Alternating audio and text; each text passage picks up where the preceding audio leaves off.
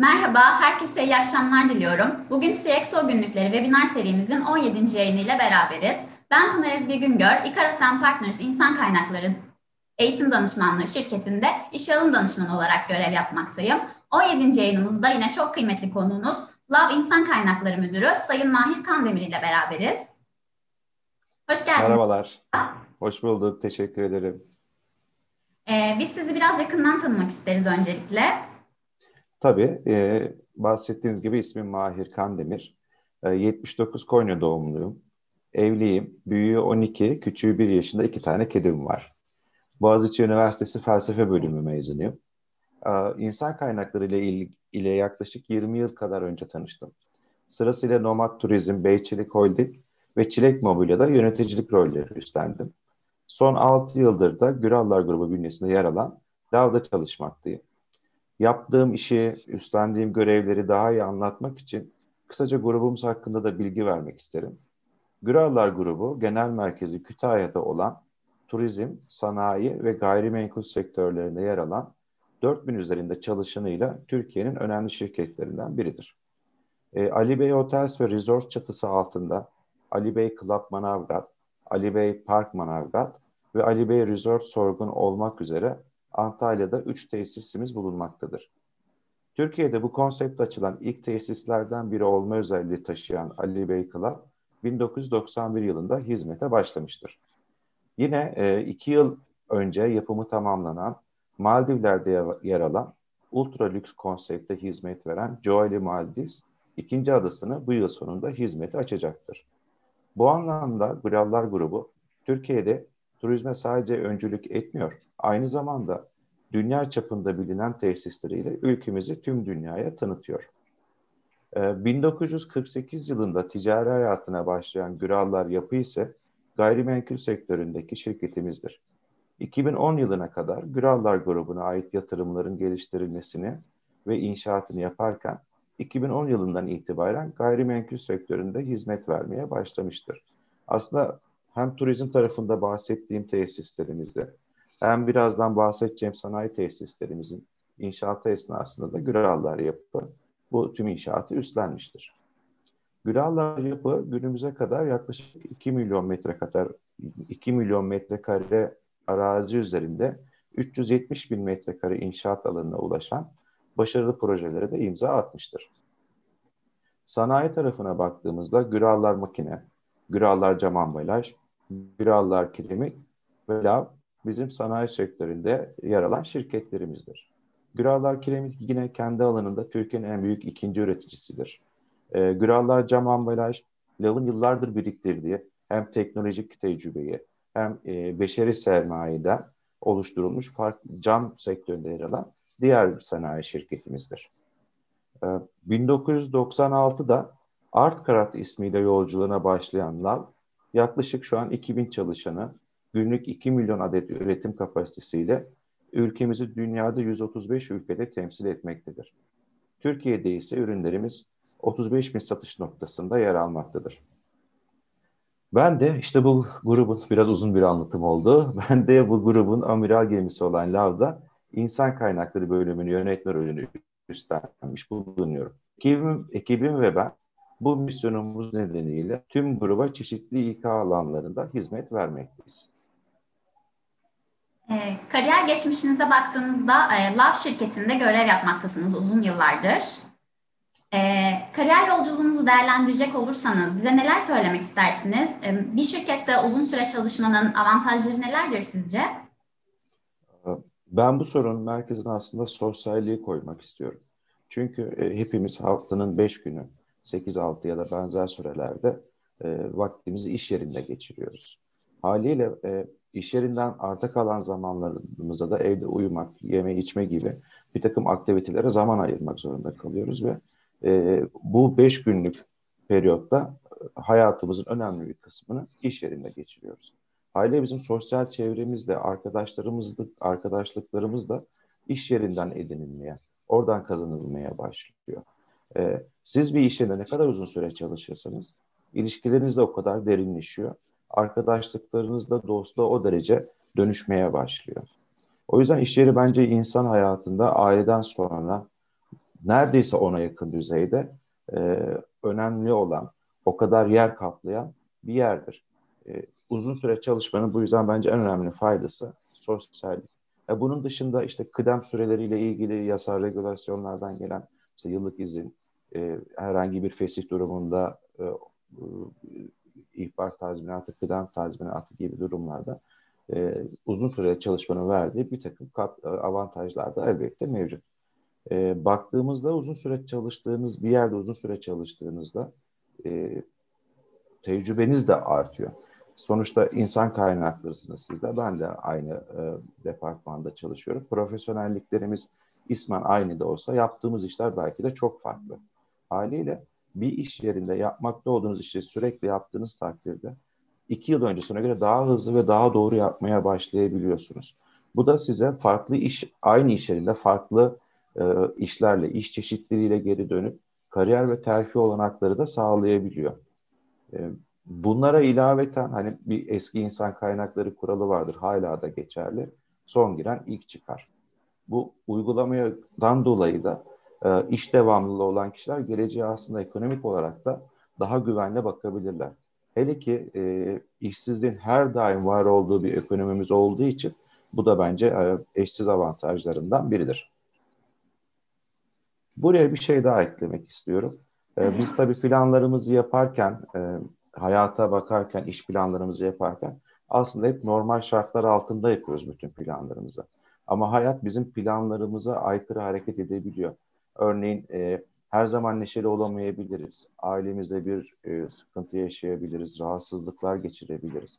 Uzun süreli çalışan biri iş disiplinine de sahipse e, hata yapma toleransına sahip olur. Çünkü bilir ki yöneticileri veya ekip arkadaşları ya bu adam gerçekten iyi çalışan biriydi. Mutlaka özel hayatında bir şey olmuştu ya da hastalığından dolayı bu hataları yaptı gibi. E, size tolerans gösterirler ve geleceğinizi de etkileyecek e, bu yaptığınız hatalar e, sizin karşınıza negatif olarak çıkmayacaktır bu durumda.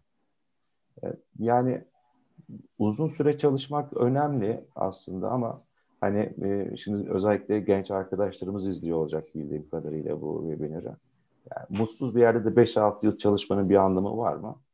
Bence elbette yok. Yani burada hatayı hatayla telafi etmektir bu. İşte başlarken bir hata yapılmıştır. 5-6 yıl direnmek ikinci bir hatadır. E, burada bence esas sorgulanması gereken uzun süre çalışmak değil, uzun süre çalışmanın koşulları ne? Ee, hani bir iş görüşmesine giderken bence arkadaşlarımız mutlaka o iş yerinin kültürüne bakmalılar. Kendi değerleriyle iş yeri değerleri örtüşüyor mu? O iş yerinin ondan beklentileriyle onu verebilecekleri örtüşüyor mu? Bunlara bakıldığı takdirde bir de öyle her önüne gelen işe de başvurup aman önce bir tecrübe edineyim telaşından sıyrılıp e, yapacakları işi iyi seçmeleri. Sonrasında da e, çalışacakları iş yeri iyi seçmeliler ki 5 e, yıl, 10 yıl gibi kıdemleri görebilsinler. Teşekkür ediyoruz verdiğiniz bilgiler için. E, güncel bir soruyla devam etmek istiyorum öyleyse. E, tüm dünyayı etkisi altına alan COVID-19 insanları, şirketleri ve pazarları da etkiledi. Salgın sürecinden en fazla etkilenen alanlardan biri olan insan kaynaklarında şirket olarak yönetimsel değişiklikler yaşandı mı? E, ne gibi önlemler alındı? Bu noktada detayları sizden de dinlemek isteriz. Ya COVID-19 tabii keşke tecrübe etmeseydik dediğimiz e, şeylerden biri. Hepimizi bir yıldır yaklaşık çok fazla zorluyor bu anlamda. Ee, ama biraz da her şeyin hani pozitif tarafından da bakmayı bilmek lazım belki de. Ben mesela şirketimden bahsettim, Gürallar grubundan bahsettim. Ee, 6 senedir burada çalışıyorum yaklaşık. Ee, ve 6 senedir gördüğüm hep insana verilen değer, insana gösterilen saygı. Ee, böyle bir kuruluşta yer almak aslında benim için onur verici, gurur verici, geleceğe güvenle bakmamı sağlayan bir durum. Ee, Covid-19'da bu duygularım taçlandı diyebiliriz. Ee, mesela biz hiç kimseye ücretsiz izin vermedik. Ama e, yaklaşık 200 kişiye idari izin verdik. Çalışanlar zaten insanlar zor durumda. Bir de maddi olarak kaygıları olsun istemedik. Bu 200 kişiye vermemiz gerekiyor mu da? Hayır ama en ufak bir riski bile göz ardı etmedik bu noktada. Daha ilk vaka açıklandı. Hatta öncesinde başlamıştık ya bu Türkiye'ye gelecek ne yaparız ne yapabiliriz diye. İlk vaka açıklandığı gibi e, yönetim kurulu üyelerimiz Sayın Esin Güral Argat, Sayın Erol Güral'ın da e, toplantı beraber yaptığımız toplantılarla hızlı aksiyon kararları aldık ve hızlı aksiyonlar alabildik. Hani bunları böyle e, her birini anlatmayayım isterseniz ama hani işte sosyal mesafeye özen gösterdik. İşte yemekhanelerde dört kişilik masaları ikiye indirdik. Soyunma odalarında dolapların arasını açtık. E, servislerimizde her iki koltuğa bir kişi oturacak şekilde düzenimizi sağladık ve hala böyle gidiyoruz. Hani hiçbir yasal zorunluluğumuz olmamasına rağmen. E, Zoom'un nimetlerinden fazlasıyla faydalandık. E, evden çalışma modeline geçsek nasıl olur gibi tedirginliklerimiz vardı. Hemen evden çalışma modeline geçtik.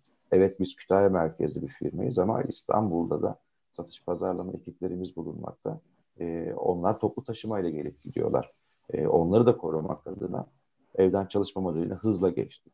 E, tüm çalışanları bilgilendirmek için özellikle açık havada toplantılar yaptık, bilgilendirmeler yaptık. E, bir takım görseller, broşürler hazırlayıp bunları dağıttık, yetinmedik. E, evlerine, ailelerine postane yoluyla bunu iki farklı zamanda yolladık. E, radikal değişiklikler de yaptık. Mesela biz 7-24 e, çalışan bir şirketiz. Günde 3 vardiyalı çalışıyoruz. 12-12 çalışma düzeniyle 2 vardiyaya döndük. Böylece e, hep aynı kişiler birbiriyle çalışsın. Olası bir hastalık durumunda başka çalışanlara bulaşmasın diye tedbirimizi bu şekilde almış olduk. Ve bu e, çalışmalarımızda aslında COVID-19 güvenli üretim belgesini Güney Marmara'da bildiğim kadarıyla ikinci, Kütahya'da ilk e, alan şirket olarak taşlandırdık. Peki aynı e, oranda dijitalleşme de önem kazandı. E, peki dijitalleşme etkisiyle insan kaynakları hangi noktaya geldi ve siz gelinen bu yeri nasıl değerlendirmektesiniz? E, daha hiçbir şey görmedik diyeyim. Hani yakın gelecekte çok farklı şeyler görüyor olacağız bundan eminim. Ha tabii hani örnekleri var. Hani mesela işte bizim mesela seçme yerleştirme sürecine baktığımızda üç görüşme yapıyoruz biz. Önce telefonla adayla bir ön görüşme yapılıyor. Sonra ikinci görüşmeyi insan kaynaklarında seçme yerleştirmeden sorumlu arkadaşım ve ilgili bölümün yöneticisiyle, e, uzmanıyla yapılan bir ikinci görüşme oluyor. Şey, üçüncü görüşmemizde insan kaynakları kurulu genel müdürümüzün, işte fabrikalar direktörümüzün, insan kaynakları müdürünün ve bölümün en tepe yöneticisine katıldığı bir üçüncü görüşme düzenliyorduk. Tabii biz Kütahya'dayız. Eskişehir'den, Ankara'dan, İstanbul'dan, Türkiye'nin her yerinden görüşmeye gelen arkadaşlarımız oluyordu. Ee, yine biz burada insana saygımızdan dolayı onları mağdur etmemek için yol masraflarını karşılıyorduk. Ee, eğer ki çok uzak bir yerden gelmişlerse Adana, Mersin gibi konaklama masraflarını da karşılıyorduk. Ama zamanları gidiyordu her şeyden önce. Şimdi biz dijitalleşmenin verdiği avantajla bunu Zoom üzerinden yapıyoruz. Bir de hani bu kadar insanı bir araya aynı lokasyona toplamak yerine herkes kendi bilgisayarın başına geçiyor e, ve görüşmelerimizi yapıyoruz. E, bunun dışında eğitimler biliyorsunuz online'a, dijitale çok fazla dönüştü. E, insan kaynaklarının bir diğer ayağı olan personel özlük işleri kısmında da dijitalleşmenin verdiği nimetlerden faydalanıyoruz. Daha da iyi faydalanan yerler de var. Ama ben burada dijitalleşme cümlesinin aslında yaşadığımızı çok böyle basite indirgediğini düşünüyorum. Aslında bu bir dijitalleşme değil. Bu dijital değişim. Hatta dönüşüm diyebiliriz. Yani çok kuvvetli bir şey geliyor şu an. Tam ortasındayız. İçinde olduğumuz için belki çok farkına varamıyoruz ama hani dinozorların yok olması gibi, bir sanayi devrimi gibi, bir Fransız ihtilali gibi bir şeyden bahsediyorum. Hani dönüşümden kastım aslında bu noktada bu. Yani artık hiçbir şey eskisi gibi olmayacak ve her şey dönüşmek zorunda oldu. Ee, belirsizlikler içinde yaşadığımız bir VUCA dünyası. Hani benim dikkat çekmek istediğim burada. İnsan kaynaklarına bunun etkisi ne dersek de burada çok konuşulacak konu var elbette. Ee, mesela KPMG'nin her yıl yaptığı küresel CEO araştırması var.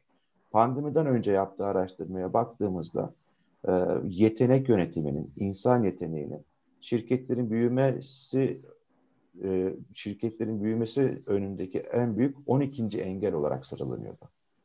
Pandemiden sonra yapılan ankette birinci sıraya yükseldi bu. Yani evet dijitalleşme bir şeyleri yapmamızı kolaylaştırıyor. Daha hızlı yapıyoruz, daha doğru yapıyoruz. Veriler istediğimiz an ulaşıyoruz. Hatta veriler arasında kaybolmamıza gerek kalmıyor.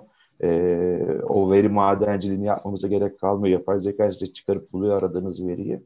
E, fakat e, işin sonunda yetenek yönetimi insan kaynağının tam merkezine geldi. Sadece insan kaynakları departman olarak değil, e, şirketlerin de artık büyümün önündeki en büyük engel olarak, en büyük risk, özür dilerim engeldi, en büyük risk olarak görünen yetkin insan kaynağına sahip olma e, artık iyice ön plana çıktı. Peki değişen ve gelişen dünyada insan kaynaklarının gelecekte neler bekliyor? Yeni trendler hakkında biraz bilgi verir misiniz? Aslında tam da buraya girmek üzereydim az önce. Çok doğru oldu. Bir 3-5 yıl kadar oluyor. Hani bir makale okumuştum. Yeni CEO'cular, yeni CEO'lar niye iyi, neden İK'cılar olmasın diye. Ve temellendirmesini şöyle yapıyor. Yani 1900'lü yıllara baktığımızda artık endüstriyel ekonomi denen bir şey var. Ee, burada önemli olan üretmek. Siz ürettiğiniz zaman müşterisi hazır. Ne üretirseniz üretin satı, satabiliyordunuz. Haliyle e, bu endüstriyel ekonominin devam ettiği 1950'li yıllara kadar e, üretimden gelenler CEO olmaya oldu. Şirketlerin en tepesindeki yöneticiler oldu. Fakat 1950'lere geldiğimiz artık e, neredeyse bütün şirketler bir şekilde üretme kaslarını geliştirdiler ve aynı mükemmellikle üretmeye başladılar. E, bu sefer finansal ekonomiye önemli olmaya başladı. Nedir? E, evet satıyorsun fakat bunu satabilmek için bir lojistik desteğin olması gerekiyor. E, o kazandığın parayı kullanman gerekiyor. Bu yüzden de 1950'lerden yaklaşık 1980'lere kadar da e, finansçılar CEO olmaya aday oldu ve onların kariyerleri CEO olarak sonuçlanmaya başladı. 1980'lere e, geldiğimizde Türkiye'de biliyorsunuz e, biraz geriden geliyor ama o dönemlerde açık ekonomi politikasını izlemeye başladı ve e, artık herkes üretiyor. Herkes parasını kullanabiliyor. Bir yerden bir yere sevkiyatını yapabiliyor, lojistiğini yapabiliyor ürettiği şeylerin. Fakat pazara nasıl çıktığınız önemli olmaya başladı. Yani müşteri ekonomisi, nasıl satacağınız, pazarlama satış stratejileri ne olacağı öneme önem kazanmaya başladı. Ve 1980'lerden sonra da yeni CEO'lar pazarlama departmanlarından, satış departmanlarından çıkmaya başladı gibi. Böyle bir makale okumuştum. Ama artık günümüzde herkes üretebiliyor, herkes e, parasını yönetebiliyor, herkes e, satış stratejisini aynı mükemmellikte yapabiliyor. Fakat bir şey yapamıyorlar, bir şey çok ayrıştırıcı. Yine yetenek. Buna da yetenek ekonomisi deniyor. O yüzden neden yeni CEO'lar İK'cılardan çıkmasın diye bitir, bitiren bir yazıydı bu. Ben tabii bu noktada çok katılmıyorum. Hani artık insan kaynağı yönetimi, insan kaynakları departmanının tekelinde olan bir şey değildir bence. Hani e, insan kaynakları ne iş yapar diye sorguladığında işte e, yönetimle çalışan arasındaki köprüdür gibi e, klasik hatta klişe cümlelerle karşılaşıyoruz. İnsan kaynakları bundan çok çok daha ötesinde bir şey. Nasıl dijitalleşme, ya dijitalleşme demeyelim bu kadar hafifletmeyelim bu işi. Bu bir dönüşüm dediysem insan kaynakları da köprü olmaktan çok daha öteye gitmek zorunda. Destek birimi, hizmet birimi olmaktan çok daha öteye gidip artık belki de bir game changer olması gerekiyor. Stratejinin ortağı olması gereken bir departman. Ee, hani departman özelinde bahsedersek insan kaynaklarını gelecekte bunlar bekliyor diyebiliriz. E, fakat ben insan kaynakları deyince sadece hani insan kaynakları departmanı değil de gerçekten kaynak olan insanı neler bekliyor? Biraz da oradan bahsetmek istiyorum. E, artık neredeyse her şey tamam aynı derecede mükemmel. İsteyen şirket aynı oranda dijitalleşebiliyor aynı mükemmellikle üretme, satma, pazarlama ve finans becerilerine sahip olabiliyor. Peki geriye ne kalıyor dedi, deyip baktığımızda da insan dedik. Ama hani insana özel yapan ne bu süreçte? Baktığımızda dijitalleşme bize bir yapay zeka ürünü de sunuyor. Ee, burada insana özel kılan bence esas şeyler duygular, hayal gücü, yaratıcılık ve en önemlisi de ahlaktır. Tamam etrafımıza şöyle bir baktığımızda 30 yıl önce çekilmiş Star Wars'taki bir sürü şeyi şu an hayatımızda görüyoruz. İşte hologramlar da hayatımıza girdi. Yapılmayan bir tek ne kaldı geriye? Işınlanma kaldı. Bu 30 yıllık bir süreçten bahsediyoruz ama dönüşümün hızına örnek vermek istersek Black Mirror dizisindeki bir sürü şeyi de artık hayatımızda görmeye başlıyoruz. Daha dün çekilmiş bir dizi. Bugün hayatımızda ütopik olan şeyler, distopik olan şeylerin uzantılarını görmeye başlıyoruz. Ee, İleride mesela bence insanları şöyle bir iş ilanı beklemiyor. E, işte iyi düzeyde İngilizce tercihen ikinci bir dilen, dil bilen XX, XX uzmanı diye bir ilan kimse görmeyecek. Hani biraz fıkra gibi ama işte bir Alman, bir İngiliz, bir Fransız, bir de bizim temel takacaklar kulaklıklarını böyle. Oturdukları yerden Japonya'daki bir fabrikayı belki gezebilecekler. Ee, yani ne demeye çalışıyorum? Biraz kayboluyoruz tabii konuların içinde. Artık makineleşen insanlar yerini insanlaşan robotlara, makinelere bırakmaya başladı. Elimizde kalan da bahsettiğim gibi biz insanlar olarak ne yapabiliriz? Ee, nerede fark yaratabiliriz? Robotların yapamayacaklarına odaklanmamız gerekir. Bunlar tekrarlamak gerekirse hayal gücü, yaratıcılık, duygu ve en önemlisi ahlak. Ee, duyguya ben vurgu yapmak istiyorum. Bu dörtlünün içinde en az aslında önemsenen şey duygu gibi görünse de Ekölübüm diye bir film vardı. Hani belki izlemişsinizdir. İzlemeyenler varsa mutlaka izlemesini tavsiye ediyorum. E, duygudan arındırılmış insanların nasıl bir dünyada yaşayacağını işleyen distopik güzel bir, bir film. Bu aslında duygunun bize önemlerini e, yaklaşık bir buçuk iki saatte gösteren özel bir yapım olmuştur. E, bunların yanında biz ne yapmalıyız? Tamam hani hayal gücü, yaratıcılık, duygu e, bunları ön plana çıkarıyoruz ama bizler neler yapmalıyız? E, hani ne sorusunun yanında nasıl sorularını belki de sormak lazım. Hani Mahir Kandemir'i tanıyabilir miyiz dediğinizde ben size anlatmıştım. Şirketin böyle ben bunları yaptım gibi. Ama Mahir Kandemir nasıl biri sorusu da önemli. Ee, burada artık hani böyle eskiden söylenen kaya gibi sağlam işte hatları, çiz, kırmızı çizgileri belli, dik duruşlu e, gibi ifadeleri bir kenara bırakıp e, sıvılaşmaktan bahsedilmeye başlandı ben aslında bu konuda biraz da şanslı olanlardan biriyim. Ben 20 sene önce Sultanahmet'e mülakata gittiğimde sen nasıl birisin diye sorduklarında su gibiyim diye cevabını verdim. 10 yıl sonra Bursa'ya geldim. Sen nasıl birisin dediler. Yine su gibiyim dedim. 6 yıl önce Kütahya'ya geldim. Sen nasıl birisin dediler. Yine su gibiyim dedim. Hani bunu şöyle algılamamak lazım. Hani bir karakteri olmayan, e, her damara göre e, şerbet veren bir kişi olarak nitelendirmemek gerekiyor. Hayat o kadar karmaşıklaştı ki plan yapmanıza müsaade vermiyor artık. Bugün bütçeler bir yıllık bütçe yapılmıyor artık. Üç aylık bütçe yapılmaya başlandı şirketlerde. Bugün uzun vadeli planlar, 10 yıllık, 15 yıllık planlar yerlerini 3 yıllık, 5 yıllıklara bırakmaya başladı ve ne derece takip edilebileceği soru işareti. Haliyle A, B, C, D, E planlarımız vardı bizim. Hep onları hayata geçirmeye çalışıyorduk. Ama hayat size bunların hiçbirinin olmadığı farklı alternatif senaryolar sunabiliyor. O yüzden e, su gibi olmak gerekiyor. Hepimizin içinde bulunduğu ortamda baş etmeyi öğrenmek için içinde konulacağı kabın şeklini alabilmeyi öğrenebilmemiz gerekiyor. Hani bu, ve son zamanlarda okuduğum bütün makalelerde sıvılaşmak deyimiyle e, bunu ön plana çıkarıyorlar. E, biraz da tabii bizi ne bekliyor, insan kaynaklarını, insanları ne bekliyor derken Amerika'yı da çok yeniden keşfetmenin bence çok anlamı yok. Tam 100 yıl önce geriye gittiğimizde aslında benzer şeylerin yaşandığını görüyoruz. Bir Spanish flu çıkmış. İşte 5 milyona yakın insan ölmüş 2 yıl içerisinde. E, o döneme baktığımızda yine böyle bir belirsizlik, büyük buhran yaşanmış. Birinci, ikinci dünya savaşları yaşanmış 30-40 yıl içerisinde ve insanlar kendilerini e, bir bilinmezliğin neyin neden olduğunu anlamadıkları bir dünyanın ortasında bulmuşlar ve o, o dönem e, yazarlara baktığımızda mesela bir Samuel Beckett çıkmış. Bir Eugene Ionesco çıkmış ve absürt tiyatro denilen bir tiyatro türünde eserler vermeye başlamışlar. Ee, onların da ana teması evet başımıza bunlar geliyor ama sebebini bilmiyoruz. Hatta Samuel Beckett bizzat kendisi e, bir gün sokakta yürürken e, bıçaklanıyor ve ağır yaralanıyor, hastaneye kaldırılıyor iyileştiği gibi kendini bıçaklayan kişiyi buluyor ve soruyor beni niye bıçakladın amacın neydi? Adamın cevabı bilmiyorum oluyor. Yani tam da aslında şu an günümüzde yaşadıklarımızı o gün yaşananları özetleyen bir durum.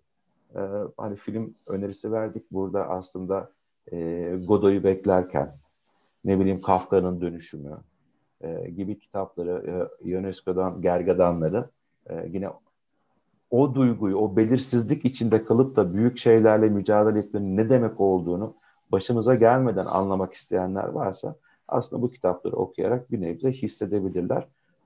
Yani duygu temelliye gitmeye çalışıyorum bu nedenle. Yani duygunun aslında altının çizilmesi gerektiğini düşünüyorum. E, dönüşümden kasıt ne denirse yine bir film önerisi verebilirim. David Lynch'in Kayıp Otobanı mutlaka izlenmeli. E, toparlayayım. Hani çok konuştum burada aslında. Belki de felsefe eğitiminin verdiği bir şeyle bir yerden girip bir yerden çıkıyorum. Bazen kendim de kayboluyorum. Ne anlatmak istediğimi unutabiliyorum. Ee, insan kaynakları ne bekliyor? Belirsiz bir dünyada her an her şeyin olabileceği, tersine hiç beklenmedik fırsatların çıkabileceği, bazen nedensiz yere sert dönüşümlerin gerçekleştiği, e, robotların insandan iyi olduğu ama insan olamadığı, işte yaratıcılık, hayal gücü ve ahlakın ön plana çıktığı, ABCD planlarının yerini su gibi olmaya bıraktığı, bazen ütopik, bazen distopik bir gelecek hepimizi bekliyor. İnsan kaynakları da bu gelecekten nasibini öyle ya da böyle fazlasıyla alacaktır.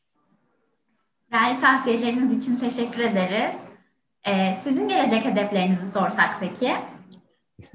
ya şimdi hani şirketler 3 ayda bir bütçe dönemini 3 aya indirdi. 15-20 e, yıllık uzun vadeli planlar yapmıyor derken e, ben de yapsam doğru olmazdı herhalde. Aslında hiç de böyle yaşamadım. Benim hani geriye dönüp baktığımda üç tane önemli hedefim vardı. Şu an üçünü de aslında erişmiş durumdayım. Biri okuduğum okul ve bölüm. Bir şekilde eriştik. Öbürü e, hayatımı her anlamda paylaşacağım eşim.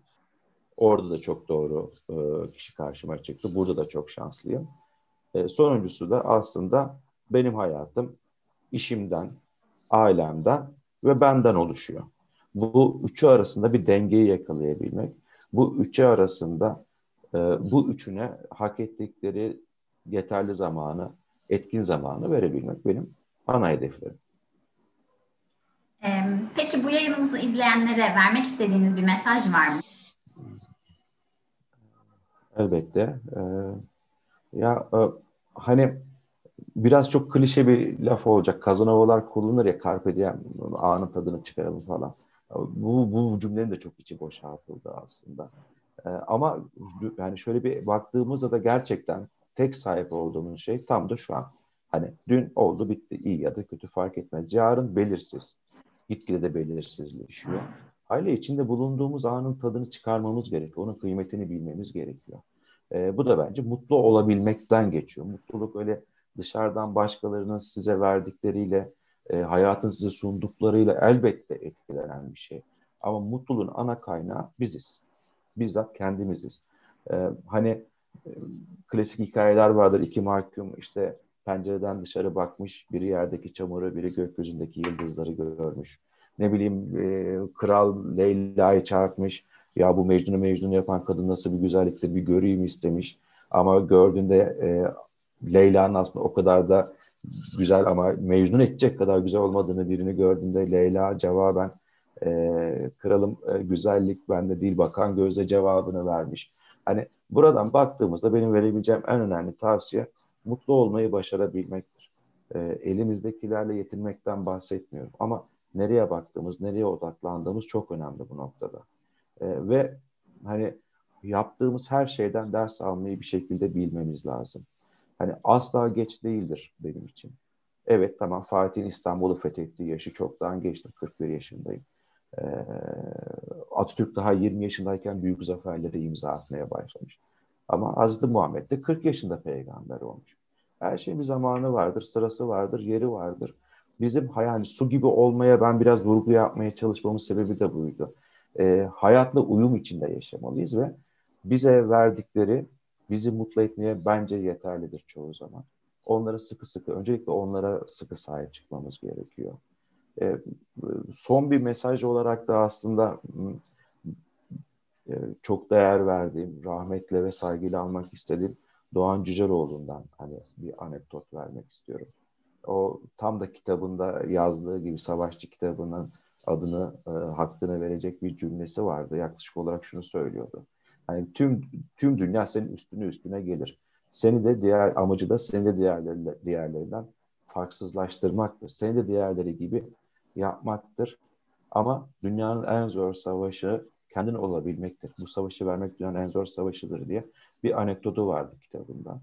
e, robotlaşma, dijitalleşme, her şeyin mükemmelleştiği, her şeyin birbirine benzediği bir dünyada artık işimiz özgün kişiliğimizi korumak çok daha zorlaştı. Bu savaş çok daha kızıştı. Ee, bahaneyle hem Doğan Cüceloğlu'nu saygıyla almış olmak isterim. Hem de e, duygularımızla, hayal gücümüzle kendimiz olmayı başarabilmemiz gerektiğini düşünüyorum. Ee, biz aktardığınız bilgiler için ve yayınımıza katıldığınız için çok teşekkür ederiz. Ben çok teşekkür ederim. Ee, bizim Devon bir mottosu vardır. Hayatın her anına keyif katan ürünler üretmek diye. Keyif katmadan hatta key kat diye bir şey çıkardık biz kendi terminolojimizi. Ee, key katabildiysek, lavlı bir sunum olabildiyse e, amacımıza ulaşmışız demektir. E, bu webinarı izleyenlere bir mesaj daha verelim o zaman. Hani e, beğenmişlerse şu aşağıda şöyle bir hareket var ya ona tıklayabilirler. Yok beğenmemişlerse biraz arayacaklar. Yani bence uğraşmalarına gerek yok ama şöyle bir hareket var.